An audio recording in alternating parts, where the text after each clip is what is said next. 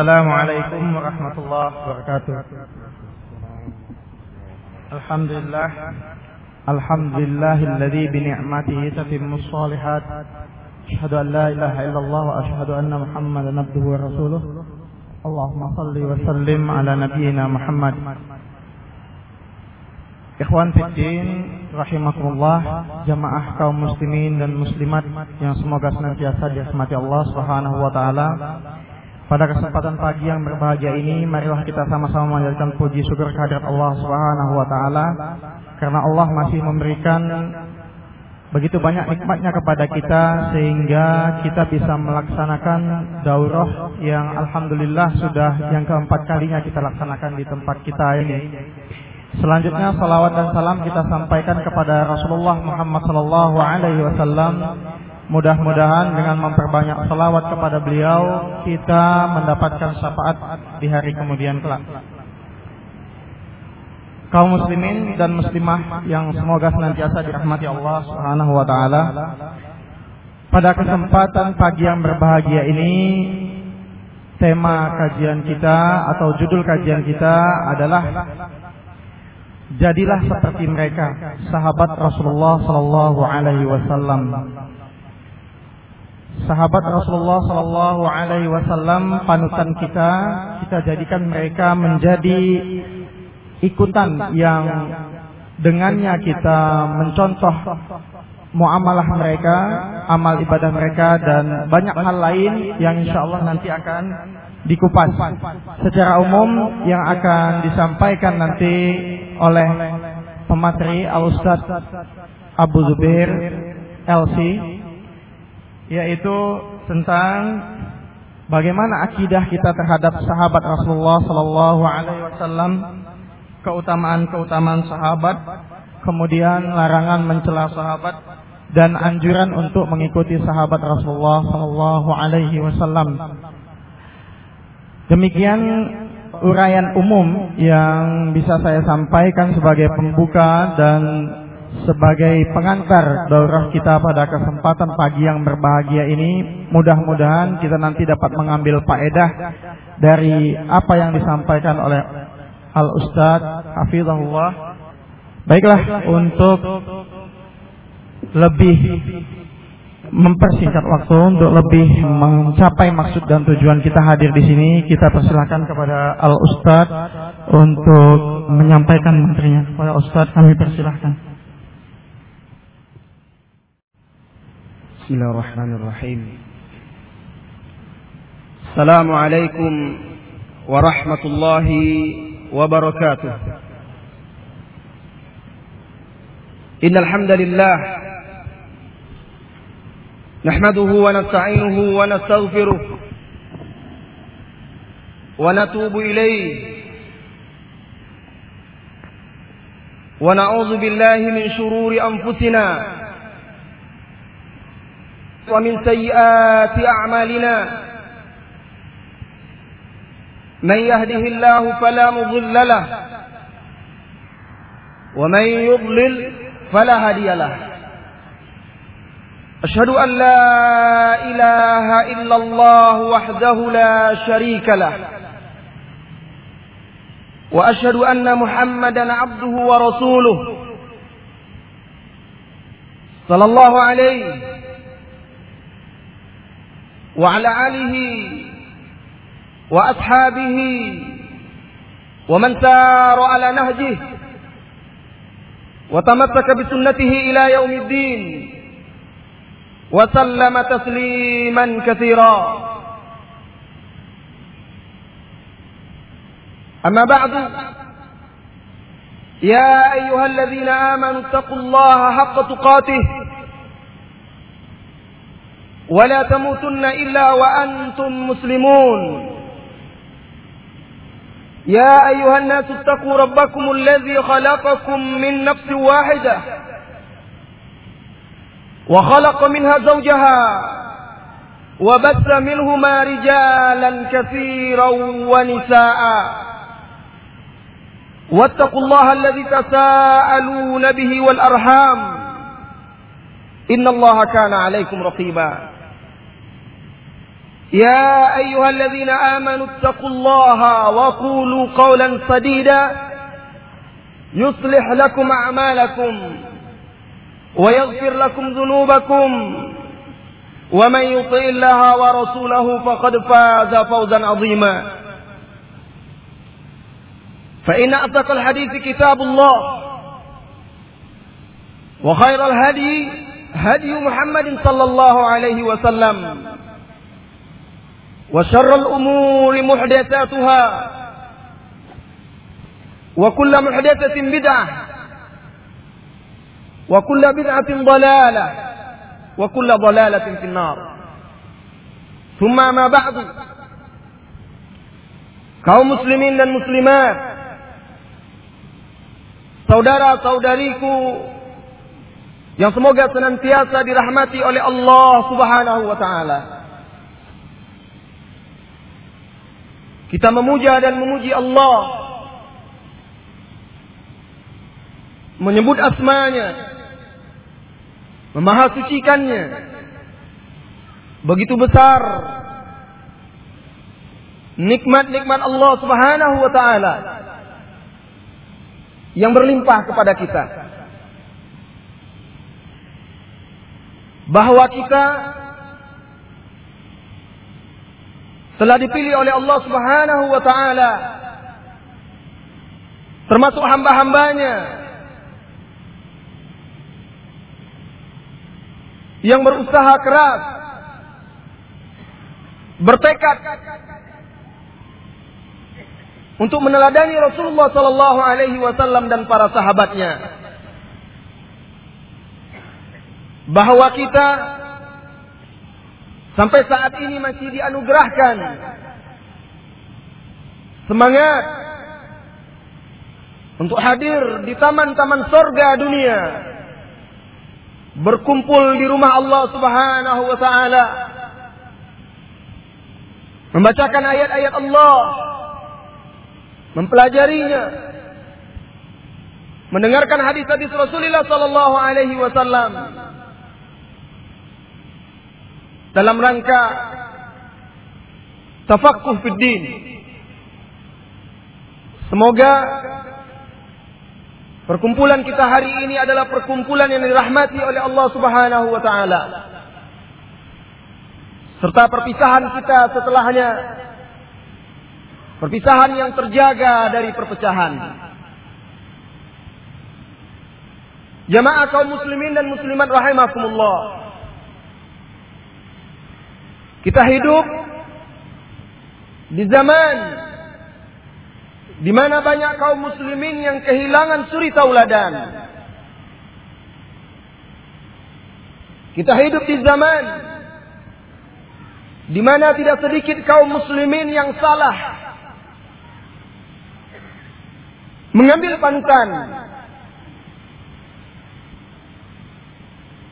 sehingga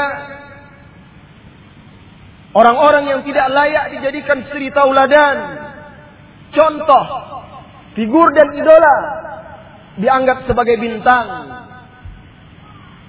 Padahal Allah Subhanahu wa taala menjadikan bintang sebagai petunjuk bagi manusia untuk menunjuki mereka arah.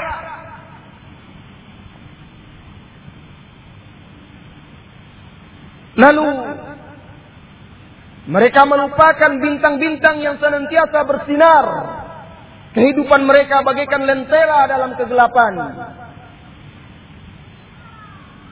Melupakan orang-orang yang telah dipilih oleh Allah Subhanahu wa taala untuk dijadikan panutan yaitu para sahabat Rasulullah sallallahu alaihi wasallam. Abdullah bin Mas'ud radhiyallahu an. Menuturkan. Inna Allah nazara fi qulubil ibad. Sesungguhnya Allah melihat hati-hati hambanya. Fawajada qalba Muhammadin khaira qulub. Allah dapatkan hati Muhammad adalah sebaik-baik hati. Fastafahu li nafsihi Lalu Allah memilihnya untuk dirinya. Wabta'atahu birisalatih.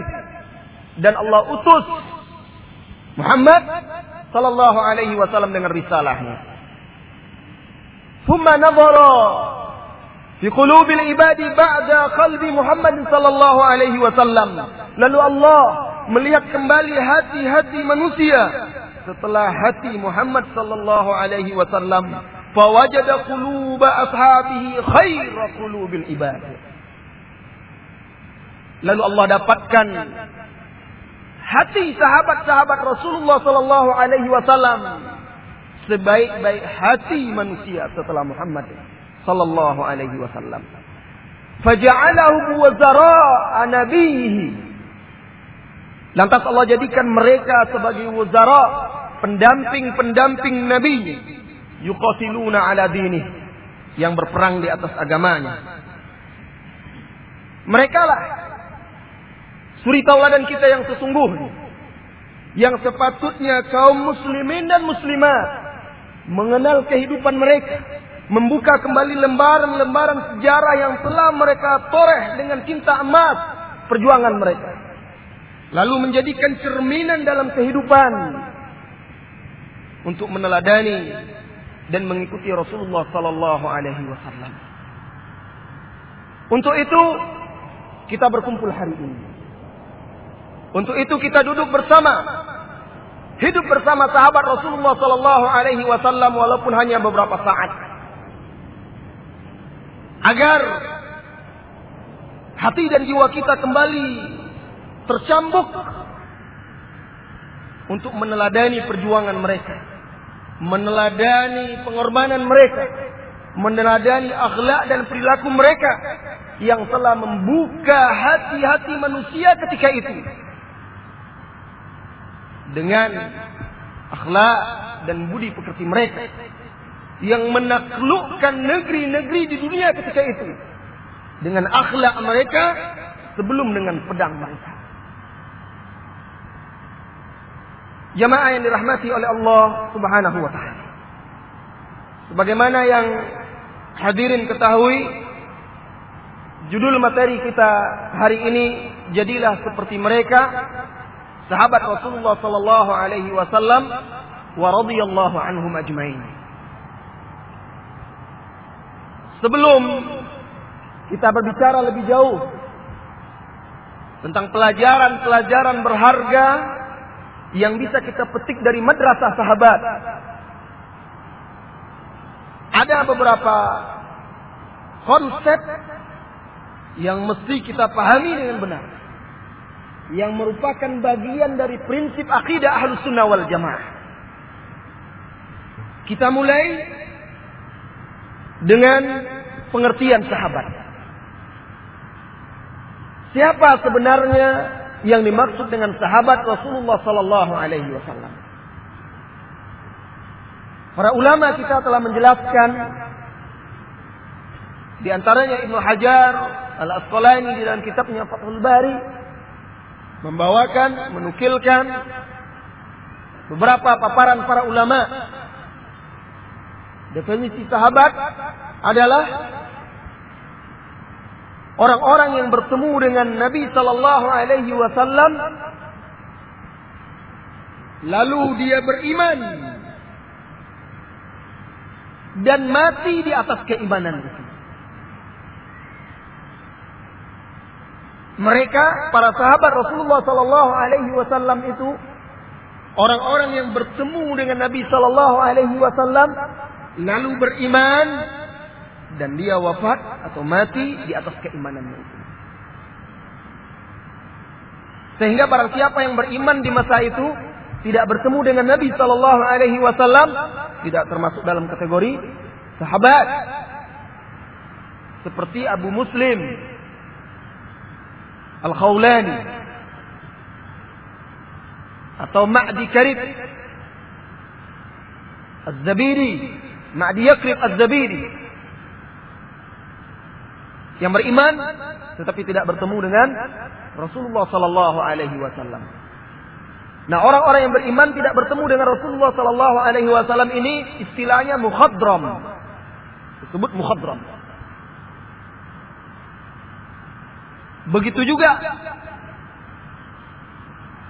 apabila ada yang dia beriman lalu tidak mati di atas keimanannya itu menyatakan keimanannya tidak mati di atas keimanannya itu juga tidak termasuk para sahabat Rasulullah sallallahu alaihi wasallam.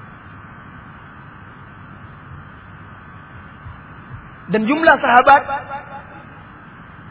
di zaman Rasulullah sallallahu alaihi wasallam banyak sekali. Di haji wada yang bertemu dengan Rasulullah sallallahu alaihi wasallam lebih kurang 100 ribu sahabat Rasulullah sallallahu alaihi wasallam. Tetapi di antara mereka ada yang dekat dengan Rasulullah sallallahu alaihi wasallam, ada yang bermula zaman, yang hidup lama bersama Rasulullah, ada yang hanya sedikit, ada yang hanya sebentar bertemu beriman dan tidak bertemu dengan Rasulullah sallallahu alaihi wasallam. Oleh karena itu, keutamaan mereka di sisi Allah dan di sisi Rasulullah Sallallahu Alaihi Wasallam juga bertingkat-tingkat atau berderjat derjat. Masalah yang kedua, di antara prinsip akidah Ahlussunnah wal Jamaah sebagai seorang muslim kita wajib mencintai para sahabat Rasulullah sallallahu alaihi wasallam serta loyal terhadap mereka. Kenapa? Karena para sahabat Rasulullah Sallallahu Alaihi Wasallam adalah sebaik-baik manusia, sebaik-baik generasi pilihan umat ini. Orang-orang yang paling afdal setelah Nabi Muhammad Sallallahu Alaihi Wasallam. Rasulullah Sallallahu Alaihi Wasallam bersabda dalam hadis yang diriwayatkan oleh Imam Al Bukhari khairun nasi qarni thumma alladhina yalunahum thumma alladhina yalunahum sebaik-baik manusia adalah yang dimasakan. Para sahabat Rasulullah sallallahu alaihi wasallam.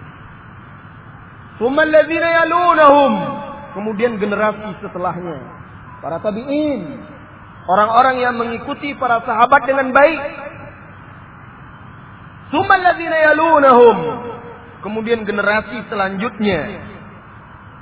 Tabi tabi'in, orang-orang yang mengikuti orang yang pernah menemani sahabat Rasulullah sallallahu alaihi wasallam dengan baik.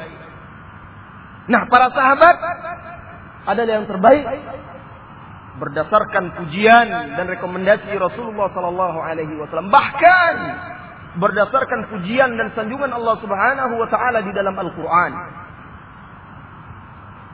Oleh karena itu, kita wajib loyal kepada mereka.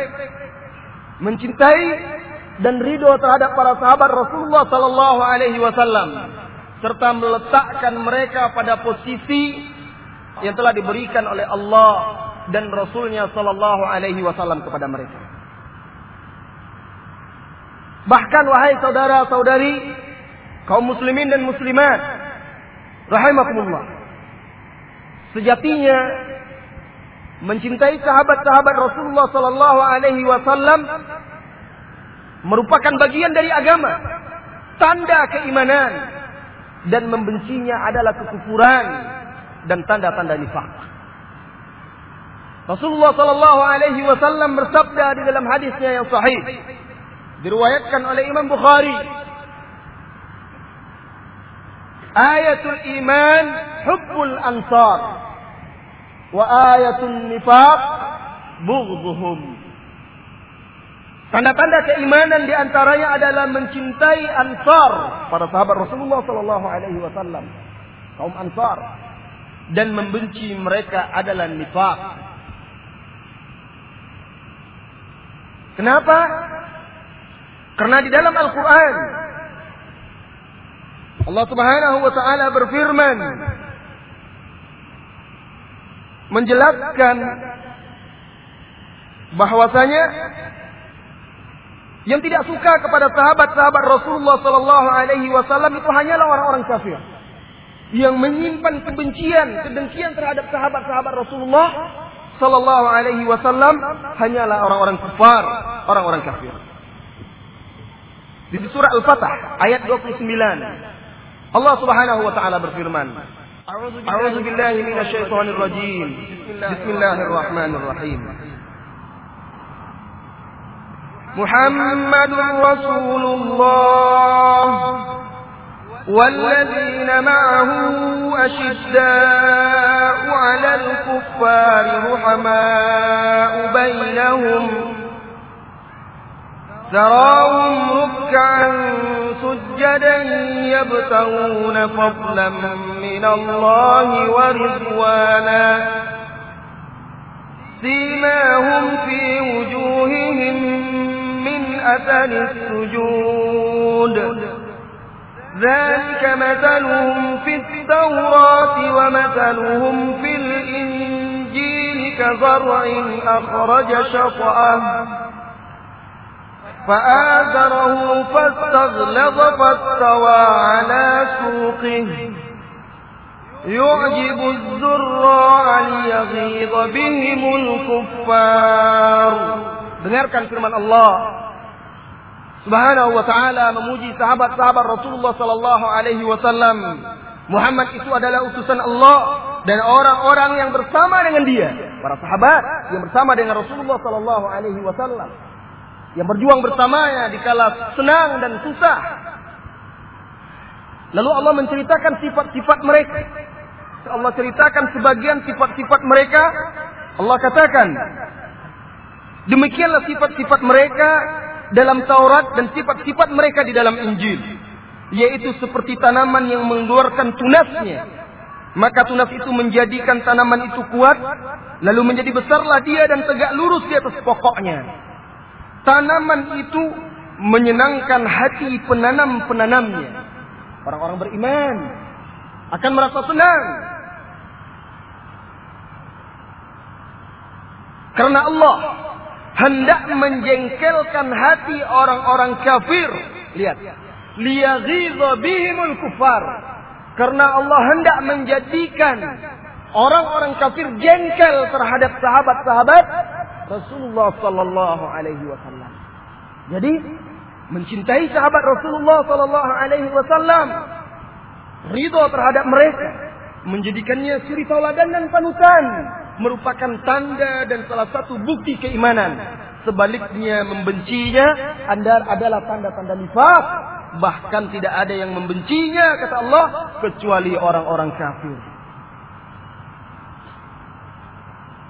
Mencela para sahabat Rasulullah sallallahu alaihi wasallam berarti mencela agamanya. Kenapa? Karena agama ini tidak sampai kepada kita kecuali melalui perantara para sahabat Rasulullah sallallahu alaihi wasallam. Mereka yang menukilkan agama ini dari Rasulullah sallallahu alaihi wasallam kepada manusia.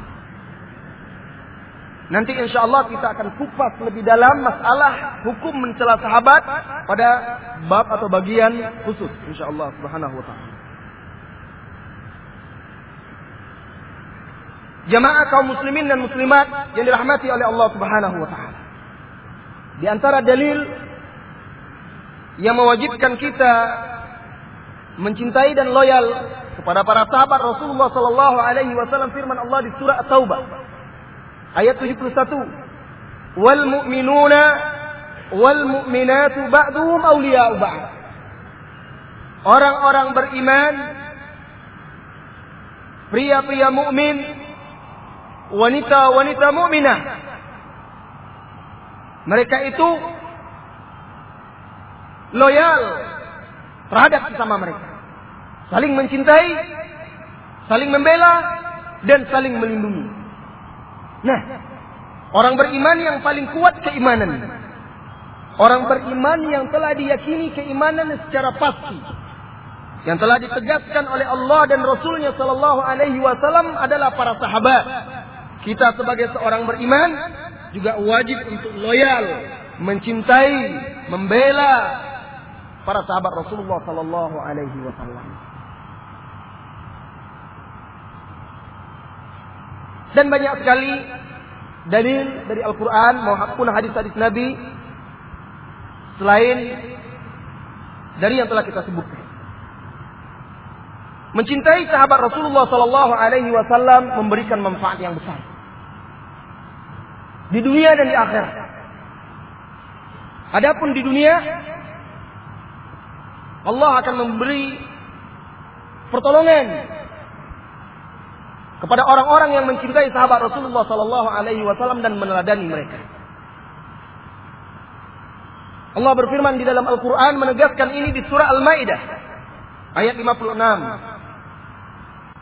ومن يتول الله ورسوله والذين آمنوا فإن حزب الله هم الغالبون Barang siapa yang berwala, loyal, mencintai Allah dan Rasulnya, walladzina amanu dan orang-orang yang beriman. Para ahli tafsir menjelaskan yang dimaksud dengan orang-orang beriman di ayat ini secara khusus adalah sahabat Rasulullah Sallallahu Alaihi Wasallam. Walaupun mencakup orang-orang beriman yang lainnya, tetapi ayat ini turun pada sahabat Rasulullah Sallallahu Alaihi Wasallam. Fa inna humul ghalibun. Maka sesungguhnya hizbullah golongan Allah itulah yang akan yang akan menang.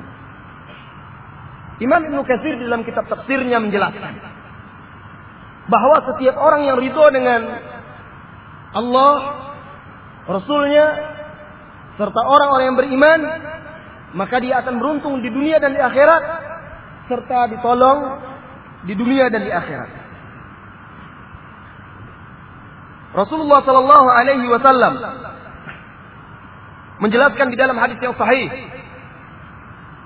Diriwayatkan di dalam kitab Bukhari dan juga Muslim.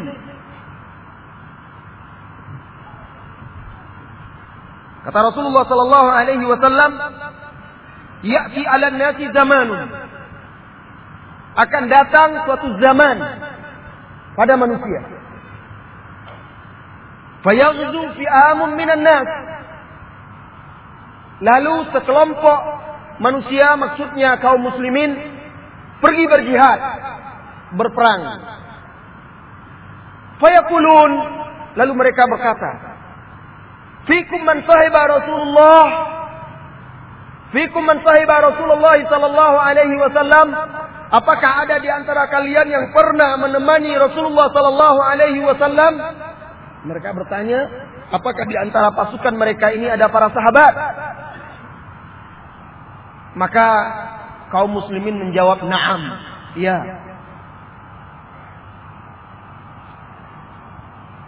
fayuftahu lahum. Maka Allah berikan kemenangan kepada mereka. Suma ya'ti 'ala nasi zamanun. Kemudian datang lagi satu masa manusia berperang lagi. Ditanyakan lagi hal fikum man sahiba? Ashab Rasulullah sallallahu alaihi wasallam apakah ada di antara pasukan kaum muslimin orang-orang yang pernah menemani atau bersahabat dengan sahabat-sahabat Rasulullah sallallahu alaihi wasallam fayaquluna na'am. Mereka menjawab ya. Fayuftahu lahum. Allah berikan lagi kemenangan kepada mereka. Tsumma ya'ti 'ala nasi zaman. Kemudian datang lagi satu masa. Manusia berperang lagi. Lalu ditanyakan, "Hal fikum man sahaba?" Man sahaba ashab Rasulullah sallallahu alaihi wasallam. Adakah di antara kalian hai kaum muslimin yang pernah menemani atau menjadi sahabat atau teman orang yang pernah menemani sahabat-sahabat Rasulullah sallallahu alaihi wasallam? Mereka menjawab, "Ya, ada di antara kami mereka." Fayuftahu lahum. Maka Allah berikan kemenangan kepada mereka. Lihat. Begitu besar kedudukan sahabat Rasulullah sallallahu alaihi wasallam. Keutamaan mereka di sisi Allah Subhanahu wa taala kaum muslimin diberikan kemenangan salah satunya karena mencintai dan meneladani mereka. Kemudian di antara manfaat mencintai para sahabat Rasulullah sallallahu alaihi wasallam dan ini yang paling utama dan paling besar manfaatnya. Bahwa orang yang mencintai mereka akan dikumpulkan di akhirat bersama para sahabat Rasulullah sallallahu alaihi wasallam. Dan setiap kita tentunya menginginkan itu. Sebagaimana di dalam hadis Abdullah bin Mas'ud yang diriwayatkan oleh Imam Al-Bukhari. Ja'a rajulun ila Nabi sallallahu alaihi wasallam wa qala Seseorang datang kepada Nabi sallallahu alaihi wasallam lalu berkata, "Ya Rasulullah, wahai Rasulullah, rajulun yuhibbu qauman wa lam yalhaqu bihim." Duhai Rasulullah, bagaimana menurutmu seseorang yang mencintai suatu kaum tetapi dia tidak bertemu dengan mereka? Maksudnya mencintai para sahabat. Rasulullah sallallahu alaihi wasallam menjawab, "Al-mar'u ma'a man ahab." Seorang itu bersama orang yang dicintai. Saudaraku, saudariku, kaum muslimin dan muslimat, lihatlah siapa yang kita cintai. Perhatikanlah siapa yang kita cintai. Karena itulah kelak yang akan menjadi teman kita di akhirat. Hadis tadi diriwayatkan oleh Imam Muslim. Oleh karena itu para sahabat Rasulullah Sallallahu Alaihi Wasallam dahulu mereka bertakarrub mendekatkan diri kepada Allah dengan mencintai Abu Bakar dan Umar. Artinya mencintai para sahabat itu ibadah. Karena diperintahkan oleh Allah dan Rasul. Bahkan para sahabat menganggap mencintai Abu Bakar dan Umar itu termasuk ibadah yang sangat utama. Dengarkan hadis yang dikeluarkan oleh Imam Bukhari ini dari sahabat Anas bin Malik. Seseorang bertanya kepada Nabi Shallallahu Alaihi Wasallam, mata sa'ah, kapan terjadinya hari kiamat? Lantas Nabi Shallallahu Alaihi Wasallam bersabda, wa ma'adattalaha. Engkau bertanya tentang kapan terjadi hari kiamat, apa yang engkau siapkan untuk hari kiamat itu jika terjadi? Apa yang telah engkau siapkan? Sahabat tadi menjawab, saya tidak menyiapkan sesuatu yang besar. Tidak ada yang saya siapkan. Hanya saja, uhibbullaha wa rasulahu. Hanya saja, saya mencintai Allah dan Rasulnya. Rasulullah Sallallahu Alaihi Wasallam bersabda kepada sahabat tadi, "Anta atau innaka ma'aman ahbabta." Engkau bersama orang yang engkau cintai. Anas berkata, setelah mendengar sabda Rasulullah sallallahu alaihi wasallam engkau bersama orang yang engkau cintai. Kata Anas, "Fama farihna bi syai'in farhana bi qaulin Nabi sallallahu alaihi wasallam anta ma'a man ahbabta." Tidak ada lagi yang lebih menggembirakan kami setelah keislaman kami dari sabda Rasulullah Sallallahu Alaihi Wasallam tadi bahwasanya engkau bersama orang yang engkau cintai. Qala Anas, Anas berkata, fa ana maka saya uhibbun Nabi sallallahu alaihi wasallam. Saya mencintai Nabi sallallahu alaihi wasallam. Wa Abu Bakrin mencintai Abu Bakar. Wa Umar dan Umar. Wa arju an akuna ma'ahum bihubbi iyahum dan saya berharap bisa berkumpul dengan mereka nanti karena saya mencintai mereka. Wa illam a'mal bimisli a'malihim walaupun amalanku tidak seperti amalan mereka.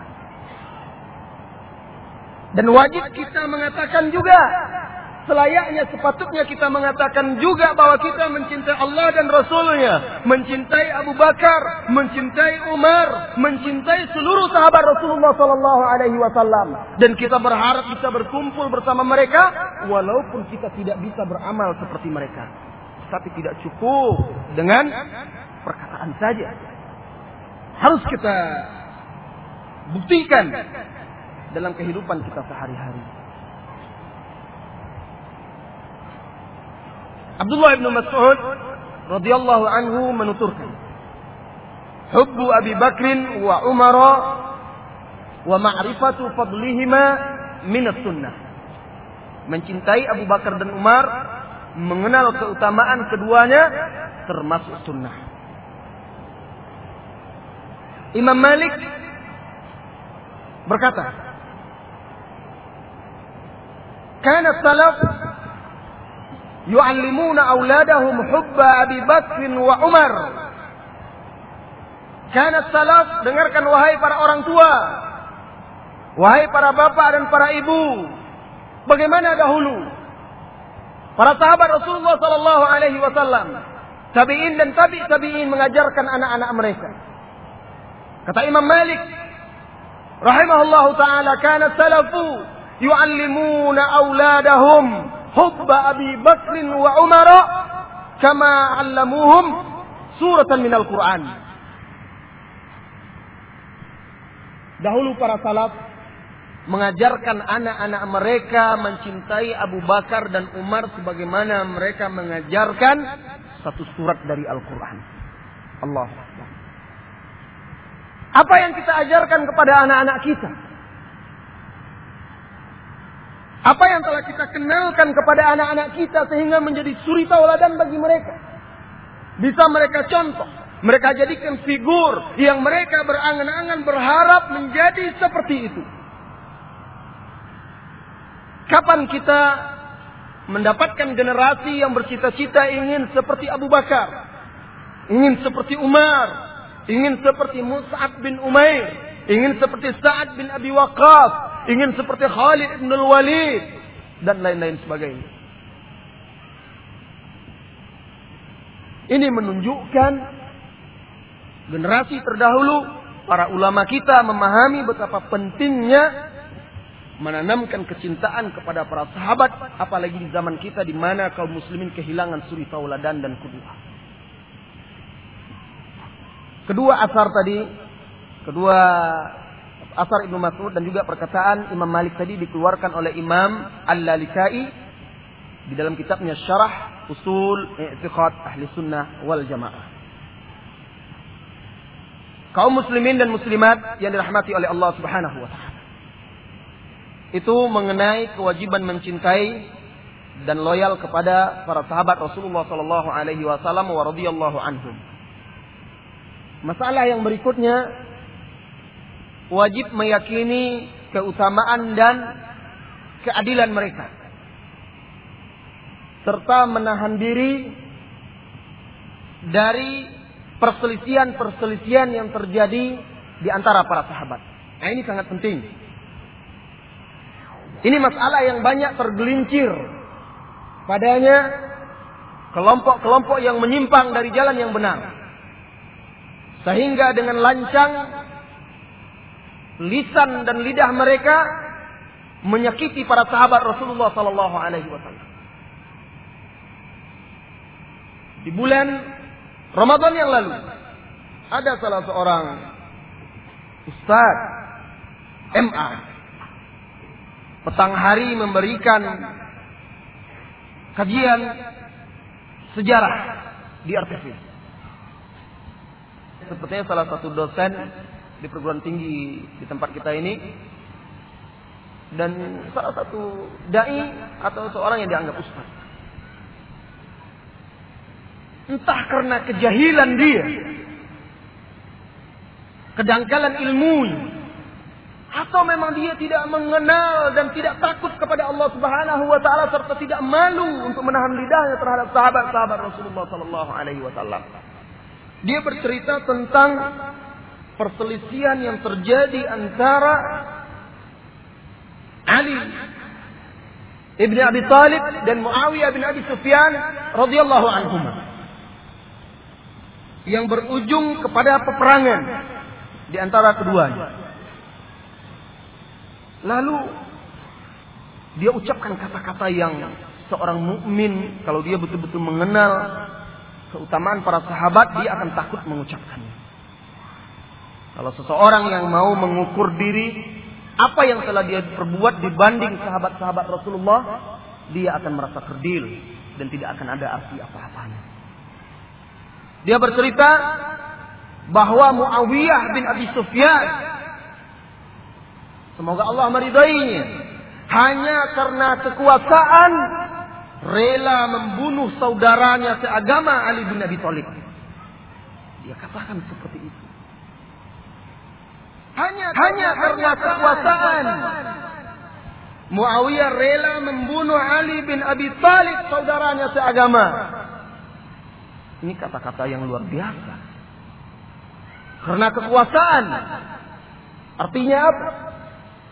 Artinya Muawiyah seorang sahabat penulis wahyu yang memiliki keutamaan-keutamaan besar. Haus kekuasaan, lupa terhadap wasiat-wasiat Rasulullah Sallallahu Alaihi Wasallam, lalu membunuh sahabat utama. Orang ini mungkin dia tidak membaca kitab-kitab sejarah, atau dia memang tidak pandai untuk membaca kitab-kitab sejarah, sehingga dia membaca kitab-kitab terjemahan yang ditulis oleh orang-orang yang tidak menyukai sahabat-sahabat Rasulullah atau terfitnah oleh riwayat-riwayat Syiah yang mengkafirkan para sahabat Rasulullah sallallahu alaihi wasallam.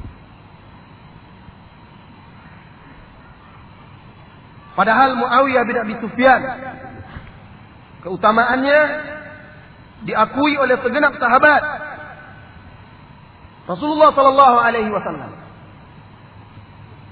Para sahabat mengakuinya.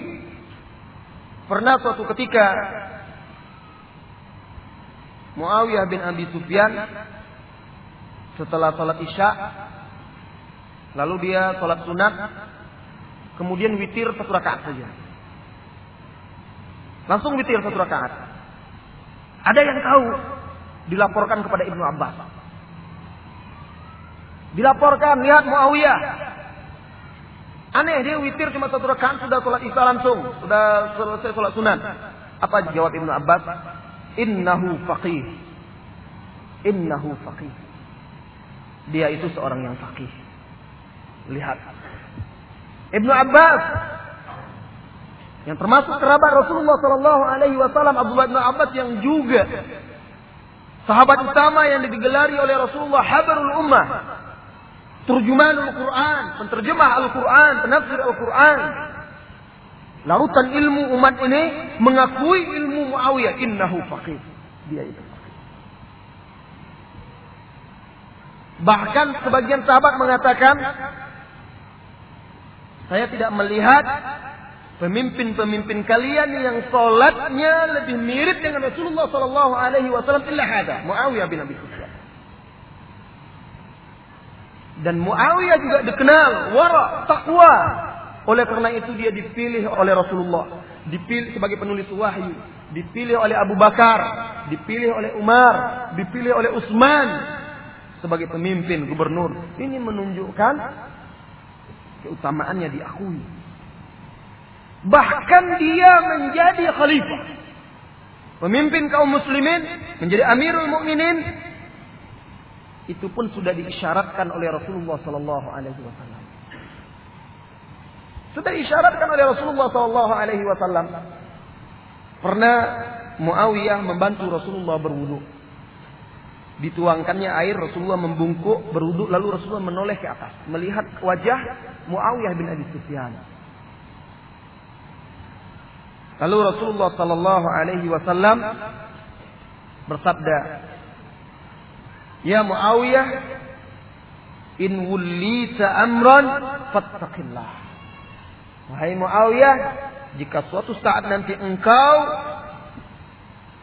diberi kepemimpinan, dijadikan pemimpin, bertakwalah kepada Allah. Berarti Rasulullah Shallallahu Alaihi Wasallam sudah dengan mukjizatnya ilmu ini diberikan oleh Allah sudah memberikan isyarat-isyarat bahwa Muawiyah ini memang akan menjadi menjadi pemimpin. Dan sesungguhnya yang membunuh Ali bin Abi Thalib bukanlah Muawiyah. Tetapi adalah antek-antek Yahudi. Pengikut-pengikut Abdullah bin Sabah. Orang-orang yang terpengaruh dengan mereka. Kaum Khawarij pemberontak dan pembelot. Bahkan sebenarnya bukan hanya Ali bin Abi Thalib radhiyallahu anhu yang dibunuh. Yang dibunuh juga dalam waktu yang sama di subuh hari Ali bin Abi Thalib, Muawiyah bin Abi Sufyan dan Amr bin Al-As. Kaum Khawarij yang mengkafirkan mereka sepakat pada waktu tertentu yang mereka sepakati waktu subuh bergerak serentak untuk membunuh tiga orang karena mereka anggap kafir. Adapun Muawiyah ditikam ketika dia keluar sholat subuh